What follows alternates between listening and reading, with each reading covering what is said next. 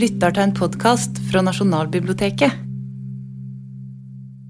I dag skal en nederlender og en islending snakke om nordiske fellesskap fra middelalderen helt til i dag, og om konstruksjonen av Norden som en identitet eller et fellesskap, eller hva man skal kalle det. Og i Bergen så sitter Bergsvein Birgesson, som mange sikkert kjenner fra eh, en av de mange bøkene han har gitt ut eh, de siste årene. Uh, han er også doktor i norrøn filologi, og har da altså skrevet romaner, dikt og sakprosa. både på islandsk og på norsk. og bare i fjor så har du rukket å gi ut to bøker. romanen 'Reise til livsbane' og sakprosaboka 'Mannen fra middelalderen'. Eh, som vi skal komme tilbake til. Og i begge bøkene så går det noen hundre år tilbake i den nordiske historien. Og begge handler vel også om historie som et eksistensielt spørsmål. Eh, om hvem man er, hvordan man skal forklare verden rundt seg. Og ikke minst om forholdene mellom eh, de nordiske landene. Eh, siden jeg har hatt så stor glede av å lese dine eh, artikler i Klassekampen over mange år. Du har da uh, mastergrad i norrøn filologi. Der har vi litt uh, fellesskap på det. Men det andre er at du er en utlending som meg, som kommer her til Norge og, og sitter fast her og kommer deg ikke tilbake hjem igjen. Og, og det, det, kjenner vi veldig godt, og der er vi på samme linje. Og da kan jeg også si at det var eh, i veldig stor grad nettopp disse islandske og norrøne fortellingene, sagaen-litteraturen, som uh, spilte en viktig rolle i, uh, i, at jeg ble værende her i Norge og begynte å studere denne litteraturen. Så der har vi nok også en del en del til felles med fascinasjonen for det, den litteraturen. Men vi skal også se på Norden. Og man har jo ideer om et nordisk folk som fins veldig langt tilbake i tid. Uh, Jordanes skriver om Skansa-området på 600-tallet, uh, eh, som man tror omfattet Norge, Sverige og Danmark. Og der han mente at de gotiske kongene kom derfra. Og enda lenger tilbake i tid, i romersk og gresk mytologi, så hadde man altså snakket om Ultima Thule. Dette paradisiske landet som fantes langt mot nord, der sola skinte hele natta, og der alt vokste og grodde helt av seg selv. Og så fins det en del sånn eh, mindre flatterende beretninger eh, om danene som kom til England og plyndret og slo seg ned. Og engelske kilder skriver da gjerne om eh, disse menneskene som hedninger og barbarer. Jeg skal bare lese et lite sitat som jeg fant eh, fra Alcuin, som jobbet ved Karl den stores hoff. Og han skrev Never before has such terror appeared in Britain as we have now suffered from a pagan race. The heathens poured out the blood of saints around the altar and trampled on the bodies of saints in the temple of God like dung in the streets. Så det er jo ikke kanskje et eh, bilde man eh, Eller er, det er ikke et like paradisisk og flatterende bilde. Og selv om vi vet at vikingene både var handelsmenn, landnomsmenn, settlere, sjøkrigere, så har dette bildet av barbariske hedninger eh, blitt smurt tjukkere og tjukkere på i løpet av middelalderen. Og så er det ikke minst eh, veldig levende også i dag. Men dette skal vi komme tilbake til, altså hvordan verden har sett på Norden fra de tidligste kildene. Men egentlig har jeg lyst til å binde litt hos uh, Jeg skulle til å si oss, men i hvert fall her i Norden. Og hvordan folk så på seg selv uh, i, middelalderen. Var det noe nordisk identitet, tror du? Ja, dette, dette, er jo et veldig stort og interessant spørsmål. Og uh, det har seg slik at uh, jeg kom litt inn på dette uh, når jeg da studerte disse her gamle skaldediktene fra eldste tider, da. Kan du si de eldste sånne skriftlige kildene. Eller primærkildene om folks oppfatninger av seg sjøl og andre.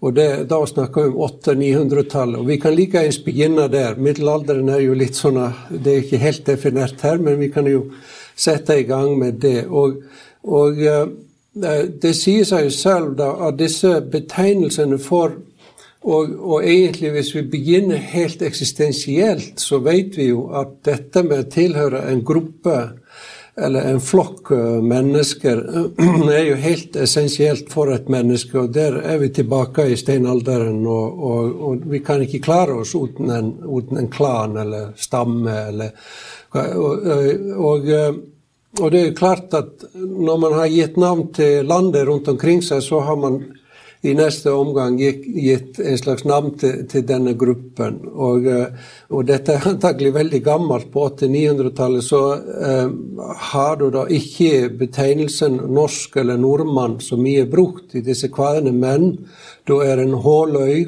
eller du er trønsk, eller du er en ryk fra Rogaland, eller Horte fra Hordaland, osv. osv. Det er nok det er nok den stammefølelsen eh, som eh, kjennetegner de eldste kildene.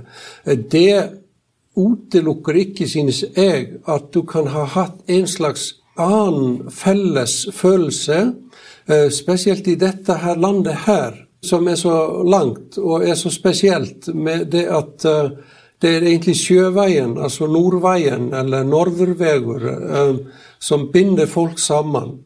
Så, så, alle disse klanene ved kisten ikke sant, de er jo bundet sammen gjennom denne her veien som man kalte veien til nord, Nordvegur, altså som har eh, egentlig blitt eh, til eh, eh, Norge eh, i dag. Altså, eller eh, ja, det er jo mange meninger. Det er Nordvegur, men det går ut på det samme. Det er, det er veien, sjøveien langs dette landet som har da bundet folk sammen.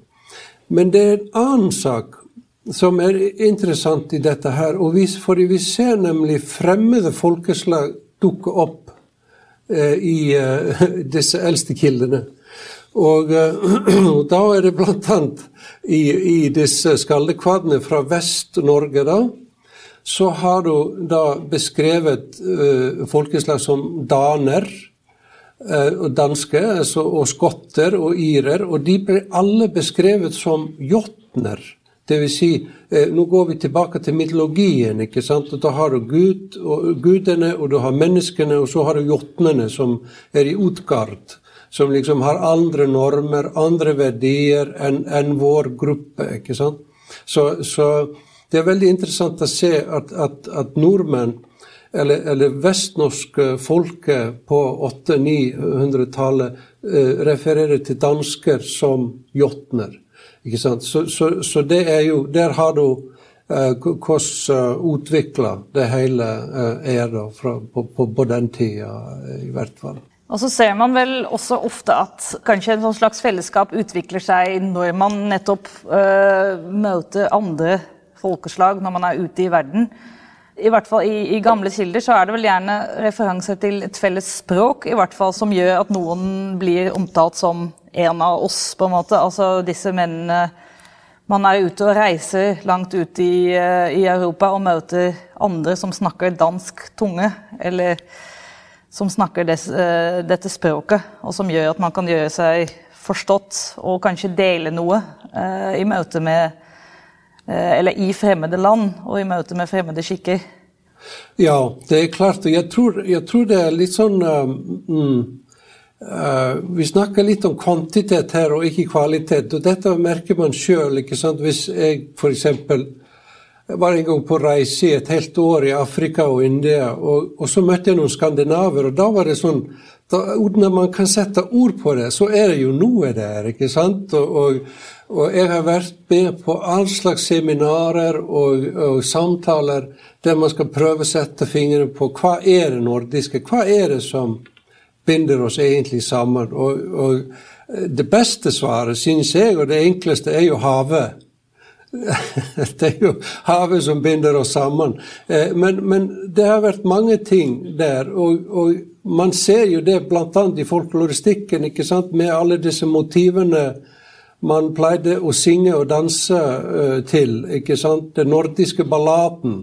Det er jo samme balladene, stort sett samme historiene eh, som går igjen i, i, i hele Norden. Så det er jo disse forbindelsespunktene. Det er jo havet som binder, og så er det, så er det kulturell utveksling som har foregått veldig lenge. Så det er nok det. Er nok det. Men det endrer ikke. Du har, du har en, en, en, stamme og eh, en slags identitet fra den, og, og, eh, og eh, kan likevel føle at uh, tilhørighet med en danske i, i, en setting i Frankrike, men, men, uh, men uh, likevel er han en utlending, kanskje, og litt fremmed i en annen sammenheng. Og det er jo også sånn at man, man, kan kanskje se for seg at folk, altså nordiske folk også ble tette knyttet sammen igjen da Altså under påvirkning av andre som, eh, som, nettopp beskrev dem som de fremmede. Så Tore Skeie har jo skrevet mye om dette i sin bok om eh, Kvitekrist, altså om Olav den hellige, i England. Eh, hvordan dette bildet av nordmennene som da hadde, og danene som da hadde blandet seg med befolkningen i generasjoner, hvordan de igjen ble bygget opp som en slags uh, fiende, en slags indre fiende i landet. Eh, og noen man ikke kunne stole på, som skulle ut. Eh, og det, jo, det ble da gjort av kongene som ville styrke sin egen posisjon. Selvfølgelig, Og ikke sant, trengte en fiende, eller trengte en, en, en slags gruppe for å si at sånn, det, dette er ikke oss, dette er oss. Så disse dynamikkene ser man jo også både i England og i Frankrike, som, uh, hvor, hvor, også nordmennene, eller menn fra nord, hadde vært, blandet seg, slått seg ned, for så igjen å bli eh, definert som, eh, som, som, noe annet. Og Dette ser vi jo veldig sterkt på 1600-tallet, ikke minst gjennom arvekongedømmet og eneveldesperioden som Fredrik 3. satte i gang. Det er jo det er jo veldig viktig for han da, å presentere seg som en slags landsfader for, uh, for alle disse rikene som er under ham. Da. Og dette uh, ser vi da uh, i litteraturen på flere plasser, at til og med en islending på 1700-tallet han, han, skriver jo at det går fint an å reise om Skandinavia fordi fordi eh, eh, kongen er eh, landsfaderen i alle land, og, og, alle disse landene er mitt fedreland. Eh, men det er likevel noe sånn overflatisk ved det hele. Det endrer ikke at eh, Petter Clausen Friis kunne skrive på 1500-tallet at, eh, og, og, og, det er jo sjeldent å se det sagt så rett ut, da, men han, han skriver da at nordmennene alltid har næret et medfødt hat. Han sier et medfødt hat til danskene. Så, så, som om, om, det er sånn genetisk uh, gammelt uh, hat. Uh, og, og, og, det er jo klart at du har jo all slags ordninger og Eh, ressursplindring og andre ting. ikke sant? Du har jo, eh, Jeg kom litt inn på det i den boka om Torfeus som du nevnte, om, om, om hvordan uh, uh, nordmenn og islendinger har betalt skatt her i 300-400 år uten å få noe som helst tilbake igjen for det. Så det er jo utsoing, og det er jo plindring av ressurser og, og, det er klart at det må jo vekke en slags følelse. ikke sant? Så du har jo Det som jeg sier da, er viktig. Man må alltid lese mellom linjene ikke sant? i alle kilder. Og, og det samme ser man jo med islendingene når de skriver, beskriver ø, ø, dansker. ikke sant? Du kan jo ikke skrive offentlig noe nedlatende om dansker, men det kan komme fram. Og det samme Jeg, jeg syns det er en veldig fin anekdote fra et dansk skip som strander på Island. Og eh, de holder på med å gå under alle sammen. Da er det islendinger, islandske bønder som bodde i, grenda, som får ut en tøy, et bånd, over til båten med livet som innsats og bjerger hele besetningen. Og eh, man har funnet da dagbøkene til kapteinen, og han skriver det slik at vi gikk i land det vil si, han nevner ikke islendingene, og at de satte livet inn for å redde dem. Og Det er jo, det er jo også eh, forakten eh, nedover og forakten oppover som eh, det handler om her litt. Nå tok vi et hopp eh, inn i historien til det dansk-norske, eller til enevoldskongen. Eh, men det som er viktig kanskje å snakke litt om, er at i den tida vi snakka om først, de eldste kildene og også tidene da sagalitteraturen ble skrevet, så var det snakk om Island, om Norge, om Danmark som riker som vokste fram. Også preget av veldig mange interne strider, skiftende allianser. Uh, mye konflikt om uh, landområder som, uh, som, gikk fra Norge til Sverige, fra Sverige til Norge osv. Men da var det snakk om nasjoner land som eh, likevel sto på like fot, eller i hvert fall som kjempet ut eh, disse krigene. Ut fra den ideen om at eh, altså, de hadde sine konger. Island hadde ikke en konge, men eh, Norge, Sverige og Danmark hadde sine konger. Og de slåss seg imellom, men uten dette forholdet som kom seinere, som du nå snakka om, eh, da Danmark la Norge og alle disse andre landområdene under seg. Eh, da det ble et kolonivelde. Eh, og det snakka vi litt om, eh, om tidligere, jeg, og jeg vil gjerne snakke litt mer om det. fordi hvordan altså Har vi egentlig noe begrep om dette kolonisystemet som Danmark Som den danske kongen drev i, i, Norge og på Island? Det tror jeg egentlig mange ikke vet. Så kanskje du kan, kan si litt om det, hvordan hva, slags system det egentlig var snakk om? Ja, jeg, jeg syns det er veldig viktig at um, når det kommer til kolonimakt og å være kolonisert, så, så, er det veldig mange psykologiske prosesser og følelser som, som fort blir innblanda inn i det der. Det handler om stolthet, det handler om identitet, det handler om uh, undertrykkelse av noen av disse følelsene og osv. osv.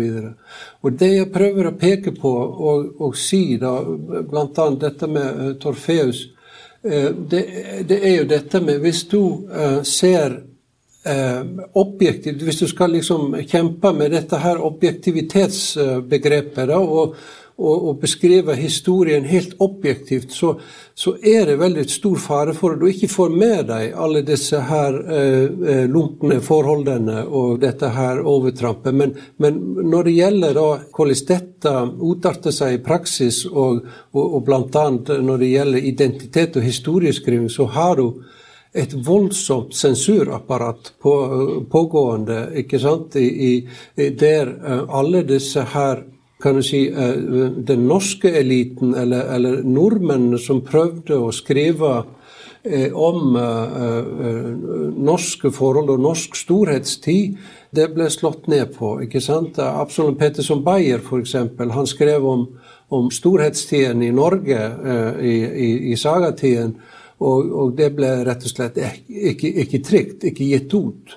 Og her er vi, her er vi inne på 1700-tallet, eh, seint 1700-tallet, når uh, Peter Fredrik Sum skriver lærebok for barn i Norge og Danmark, og peker på det at, uh, at uh, det var ingen nordmenn til stede når, når arvekongedømmet ble etablert i 1660. Altså, Nordmenn ble ikke invitert til stendermøte der som er ganske viktig. ikke sant?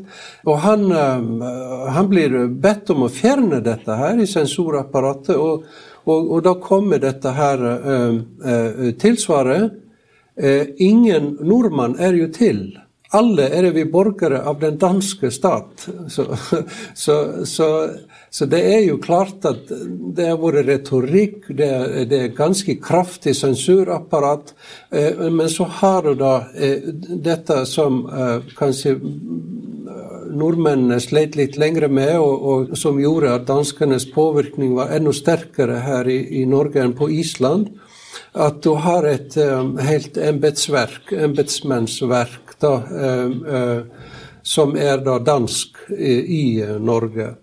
Mens islendingene greide da å beholde gammel lov for middelalderen som gikk ut på at ingen danske eller kjøpmenn eller embetsmenn fikk overvintre på Island. De ble alltid sendt hjem om høsten. Så det er nok veldig store krefter, eksistensielle krefter, i gang her.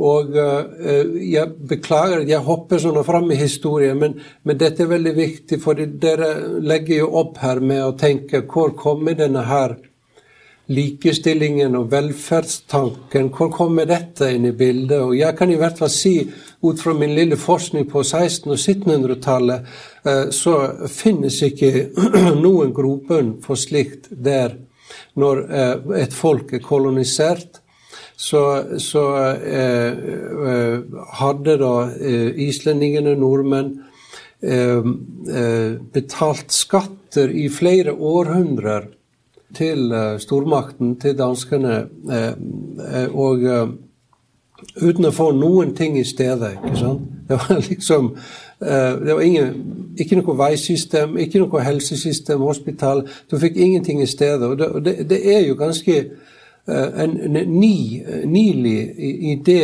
i, i, denne sammenhengen at man skal få noe igjen for skattene man betaler. Det, det gikk jo til kriger, krigføringer, og, og, og det gikk til uh, uh, uh, en liten elite i København sant, som fortsatt eller embetsmannsverksystemet, kan, kan, vi si da, e, egentlig. Så eh, hvis du skal ha som tanke som velferdssystem, da er det i hvert fall en god stund etter koloniforholdene slutter. Ja, for den, i dette kolonimaktforholdet eh, er det da altså at eh, denne Tormod Torfeus, som du har nevnt eh, et par ganger nå, er da en islending som ble ansatt av den danske kongen Fredrik eh, til å skrive historie. Eh, I utgangspunktet en danmarkshistorie. Eller ut fra denne, altså en, en, historie som skulle omfatte hele dette danske riket, inkludert eh, Norge og Island. Og bare det i seg selv, at det var en islending som eh, fikk en, et sånt oppdrag, er jo egentlig ganske spesielt ut fra den eh, situasjonen som du beskriver. Men hvordan, hvordan, tror du det hadde seg at en islending som kom til København for å studere, som var en eh, riktignok en embetsmannssønn, en lærd eh, Altså en eh, han, han, var en mann som hadde gått på latinskole som, som guttunge. Han hadde lært om europeisk historie, han hadde liksom blitt opplært i den, i den tradisjonen. Men likevel, altså ut fra en eh, type enevoldstanke hvor sentrum i Norden, eller i det dansk-norske riket, var i København, så leier man inn en islending til å skrive om, uh, om den eldste historien. Hvor kom det Hvordan fikk han det til, tror du? Eller hvordan, hvordan, hva slags bakgrunn er det for dette her? Ja, det er, jo, det er, jo, sikkert flere faktorer her. Eh, det viktigste er jo selvsagt at uh, islendingene, og akkurat han, var blitt opplært i å lese da, disse her gamle uh, pergament, uh, munkeskriftbøkene, som de ble kalt. Dette er jo et veldig interessant spørsmål, for det, det handler jo om, som vi er inne på her, identitet og eh, om å markere sin nasjon. Og, og, vi ser jo hvordan disse islandske kildene havner midt i denne her maktkampen. Og jeg har likt å tenke på det slik at eh, historien, eller fortiden, er en slags sånn slagmark på denne tiden. Og, og der prøver eh, danskene og svenskene og albue seg og, og, og, liksom boltre seg fram til å ta seg plassen der. Og, og her går kappløpet ut på dette med mm, viktigste i, i humanismens eh, historieskriving, og det er det at uh, du skal kunne strekke røttene eller historien eller fortiden til din nasjon så langt tilbake som mulig.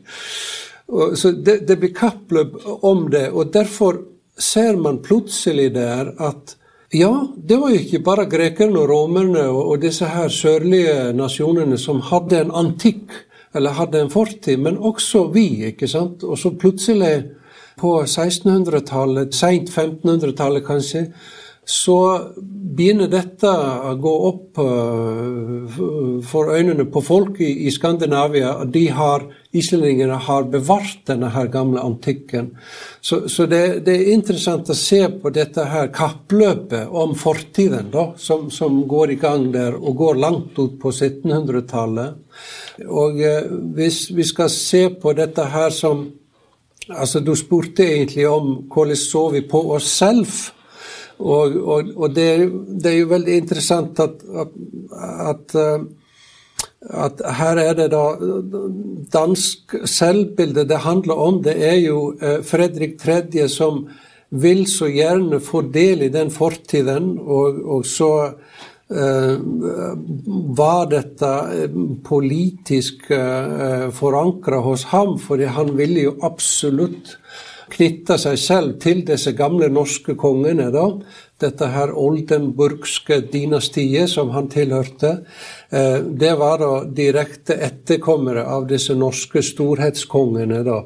Så, så han, han, gjør jo alt til å prøve å tilegne seg. Og så var det da viktig dette med arvekongedømme, at det er også noe som man har beskrevet i disse uh, norske kongesagaene. ikke sant? Så, så, det er jo kamp hos ham, og det er derfor han denne islendingen kommer inn der og, og blir ganske viktig uh, støttespiller da, uh, i den historiske uh, fremstillingen, kan vi, kan vi kalle det. da. Men, men, eh, men, Torfeus er ikke helt så enkel, da. Som, eh, han, han, gir jo keiseren det som keiseren ser.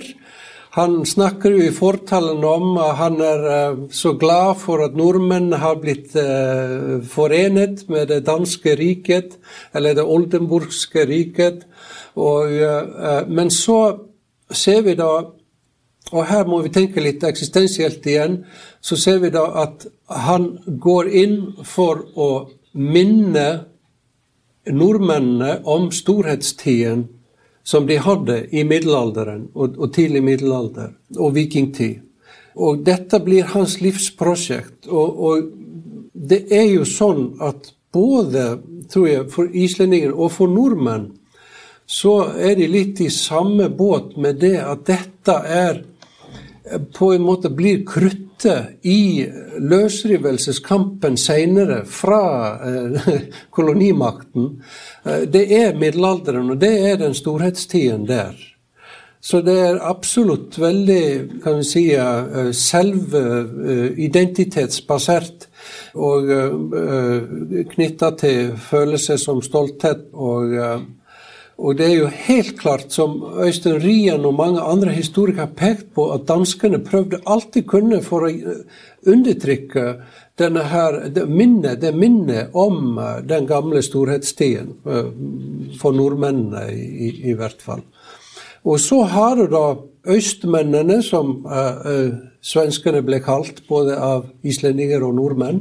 Altså de som bodde lenger øst, altså svensker. Eh, da, da, da, har du noen sånne ganske skumle greier på gang, som man har befatta i denne her eh, eh, betegnelsen goetisisme. Eller altså, det er sånn stormaktstid på gang der borte. Og, og, du var jo inne på dette i innledningen her, bl.a. hvordan de da brukte disse referansene fra Jordanes om gåtenes historie fra 500-tallet. Ja, det, altså det var vel svenskene som var den eldste sivilisasjonen, var det ikke det? Jo, da er det egentlig sivilisasjonens vugge. Altså alt kommer fra Sverige, ble jo egentlig eh, konklusjonen av det der. Det er jo stormannsgalskap i dette. Dette kulminerer i, i verk som hos Olof eh, Rudbeck på 1600-tallet. Han kalte det Atlantica. Og, det gikk også ut på dette, disse mytene eller gamle sagnene om Atlantica. Dette eh, landet som hadde forsvunnet i havet, ja, det var egentlig Sverige. Så alt var Sverige. Og det var et svensk eple som Eva ga Adam, osv. osv. Dette, dette blir sånne absurditeter. Og det går alt ut på denne her kampen om, om å ha historien og eie historien. Men det er klart at sånne ideologi ikke sant, setter jo sine spor og, og, og gjør jo det at Carl Gustav går med uh, 100 000 menn og, og, rikker inn i Polen, ikke sant? og skal ta Polen, og så skal han ta hele Skandinavia osv. Det er jo uh, klart at dette, dette kommer til uh, uttrykk i det konkrete også. ja, det, det jeg syns er interessant, er at uh, man da på den ene sida altså Nå er vi litt mer inne i Norden og forholdet utad også. Men det jeg syns er spennende, er at man plutselig får disse Eller plutselig, men at det vokser fram en sånn idé om å spore røttene tilbake lengst mulig. At, at Sverige skal være verdenssivilisasjonens vugge, til og med.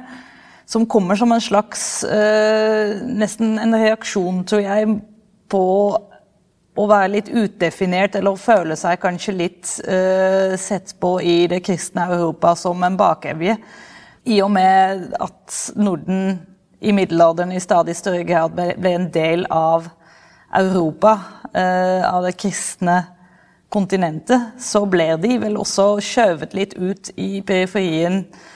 Eh, når man ser på det verdensbildet hvor Jerusalem eh, er i sentrum, og Norden er jo veldig langt borte, for ikke å snakke om Island, som vel lå nærmest helvete som du har beskrevet. Og det fins jo ufattelig mange beskrivelser av uh, disse strøkene langt mot nord. Jeg tror du uh, kalte det hva var det, nord for kniv og gaffel.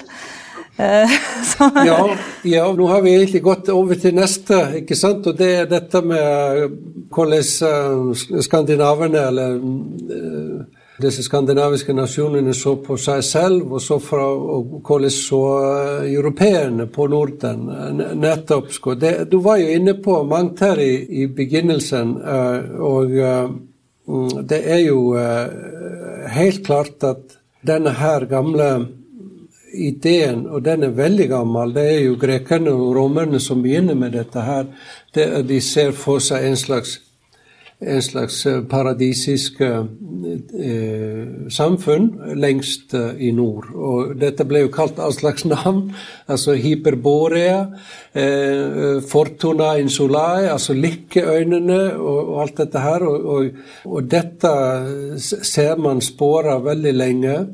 Og så på den andre siden så har du dette som du nevnte nå, altså som jeg har likt å kalle Eh, eh, nord for kniv og gaffel-myten. Dvs. Si at eh, desto lengre nord, desto mer barbari. Og det er, det er, jo absolutt noe som vi kan se og spore fra eldste tider, og, og, og som blir kanskje sterkere og sterkere ettersom tida, tida går.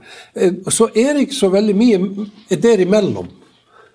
Det er det er, det er, det som er litt interessant, da. At det er jo kanskje uh, uh, Bl.a. Fridtjof Nansen gir veldig godt bilde av disse her, disse her uh, klassiske forestillingene.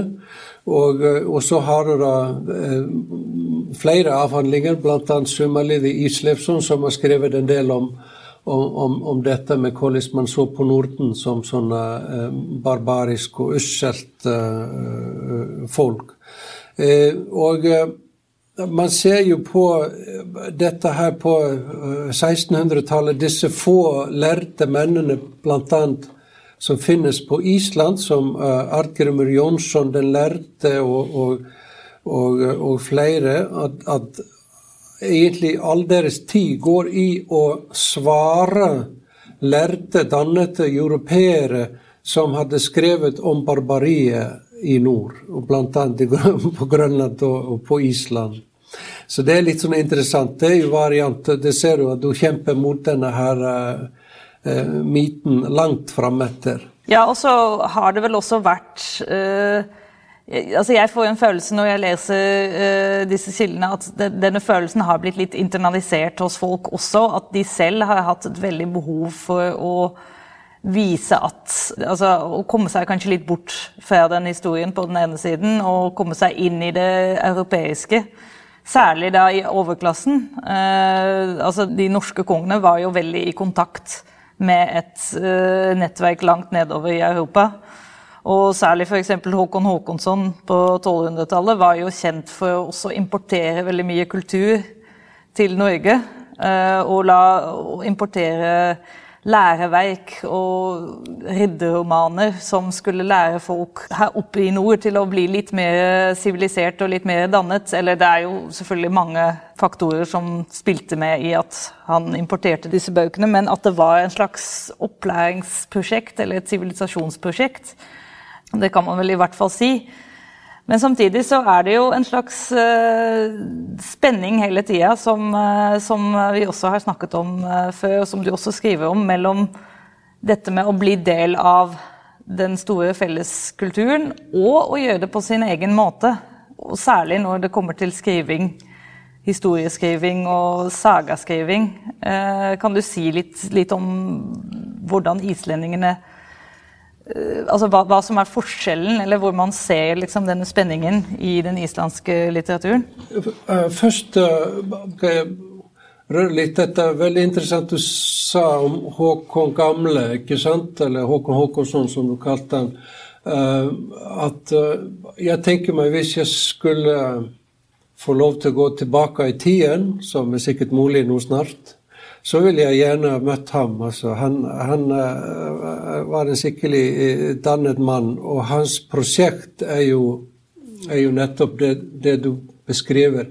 Men man kan liksom ikke heller se bort fra den katolske kirken i, i denne her sammenhengen, og, og hvor mye, kan vi si, hvor effektiv dette uh, systemet, det katolske systemet var da med konstant flow av, eh, av uh, lærde som kom fra de sørlige kanter og, og, og nordetter, og omvendt. ikke sant? Uh, nordmenn uh, som går ned til, til klosteret i Paris. og og, og, og, dette finnes da dokumentert ganske godt. Så Håkon er nok det, det, er nok uh, også disse her munkene som har, som har og, og, og, det katolske systemet som, som skal, skal, stå til inntekt for uh, denne her kontakten da, og, og endringene. Og, og, så har vi da over til dette spørsmålet ditt om uh, Island og islendinger og dette med å skrive. Eh, da er det klart at det er enten slik at uh, islendingene drar ned til Europa, eller det kommer folk dit. Uh, det spiller ikke så mye rolle. Men de lærer å lage bøker. Og, og, lærer å skrive og lærer å lage blekk. Og dette er jo en skikkelig vitenskap. Og det er jo en sånne, et eneste sånne håndskrift er jo mange eh, hundre eller tusener timers arbeid å utarbeide. Men så er det nettopp dette, det store underet, at uh, de har lært teknikken, men de skriver ikke som man gjorde på kontinentet. da. Uh, og det på kontinentet kan du si at uh, der gikk de litt ut på å beskrive uh, førkristne tider som da hedenske barbarer. Som du kunne ikke lære noe av, og, og som egentlig du skulle bare vise hvordan ble utrydda. Og du hadde bokbrenninger om, om, om uh, ting som ble sagt om det. Men stikk motsatte opp uh, blant islendingene. De er veldig nysgjerrige om uh, å lære og, formidle hva de trodde, i hvert fall disse gamle førkristne landnomsmennene, trodde og mente og følte. Og, og, du har jo æresbegrepet der, du har hevnen, du har blodhevnen, og du har en slags ordgammel skjebnetro og hedenske ritualer som de beskriver. Og det er klart at, at uh, dette, dette, var jo ikke noe som uh, det europeiske fellesskapet ville ta vare på. Det, man skulle forkaste alt dette her. Og, og, resultatet ble da uh, nettopp dette at uh, islendingene tok vare på veldig mye av denne her disse, Kanskje en del av disse nordeuropeiske uh, uh, ideene, førkristne ideene. Takket være det. Og jeg, jeg har lenge lurt på om, om, dette har endret seg nå i senere tid, for nå er det liksom hvis du ikke er inspirert fra Frankrike, eller hvis du ikke viser at du har lest europeisk litteratur i det, så, så, så er det liksom ikke, ikke, verdt å lese. Så det er litt sånn interessant at uh, islendingene hadde standhaftighet. Og dette er eneste storheten, tror jeg, som, som islendingene har greit å, å gjøre i uh, historisk sammenheng, det er å, å, gjøre det akkurat som de mente var uh, uh, viktig, og ikke hvordan sentrumet borte i Europa sa at de skulle skrive. Ja, ikke sant. Og da, da skriver de jo også ofte om hvordan folk holdt på i gamle dager, med litt sånn kanskje litt forsiktige formuleringer av og til. At det var noe sånn de gjorde det på den tida, eller det var noe sånn de trodde på. Men samtidig så er det jo ofte i fortellingene helt eh, vesentlig at det de sier de trodde på, uh, alt av spådommer og drømmer og sånne type ting, at de innenfor sagaene så er jo de sanne. Nettopp. Og, og, veldig viktig det du peker på her, Karline. Hvis vi skal liksom stille opp denne klassiske europeiske kulturen og den norrøne, så, så, er det veldig godt å ta det ut fra drømmer, som du nevner. Altså, i, i en saga, i, en, i, et norrønt univers, så, så um, er det liksom ingenting som kan skje i virkeligheten hvis ikke man drømmer om det først. Og det blir liksom rammen og alltid fortellingen. Du skal tro på drømmene og høre på drømmene, fordi de forteller nok hva som kommer til å skje. Og så har du da grekerne som bl.a. Aristoteles som sa det, du skal aldri høre på drømmer, fordi da sover det rasjonelle i eh, tanken din. Altså ratio sover når du drømmer, og derfor skal du aldri høre på drømmer. Så det er veldig interessant at du kan finne sånne veldig markante oppfatninger og, og forskjeller i, i, oppfatninger og ideer mellom disse to kulturene. og det er, det er nok uh, identitetsmarkering også der i tidlig eller i høymiddelalderen, når man begynner å skrive, som de var opptatt av. Og når da denne Tormod Torfeus på 1600-tallet skal skrive ned Danmarks historie, inkludert Islands uh, historie, da er det jo nettopp de fortellingene, de sagaene fra middelalderen han går til for å hente sannhet. Og der skiller han seg også fra sin tids historieskrivere, som heller hadde lyst til å knytte han til Bibelen, eh, eller til, eh, til bibelske stamfedre eller slektsreker. Eller til og med til grekere. Men, eh, men han sier da altså Altså, han har en egen type og det var vel ikke helt ukontroversielt eh, også?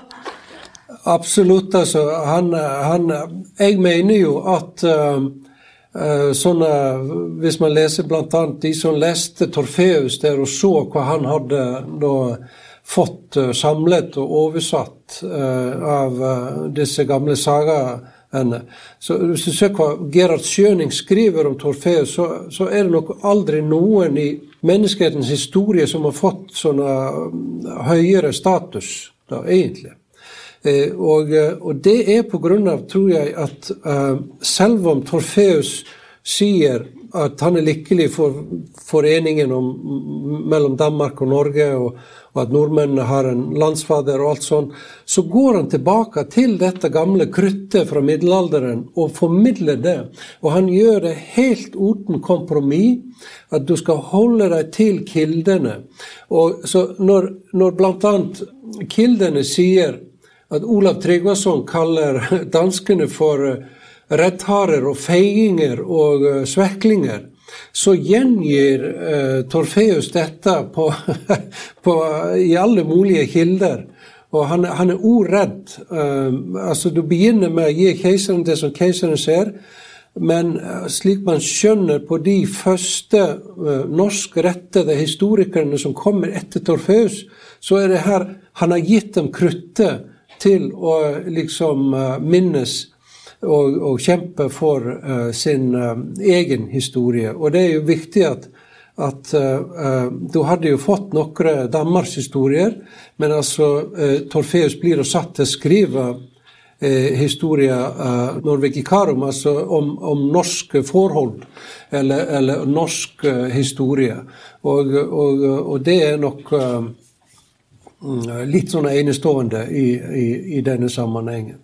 Og Går det da an å si at siden han inni dette danske eneveldet begynte forsiktig å grave fram disse nasjonale fortellingene igjen. Disse, disse, denne nasjonale bevisstheten som jo fantes uh, før danskeveldet tok over.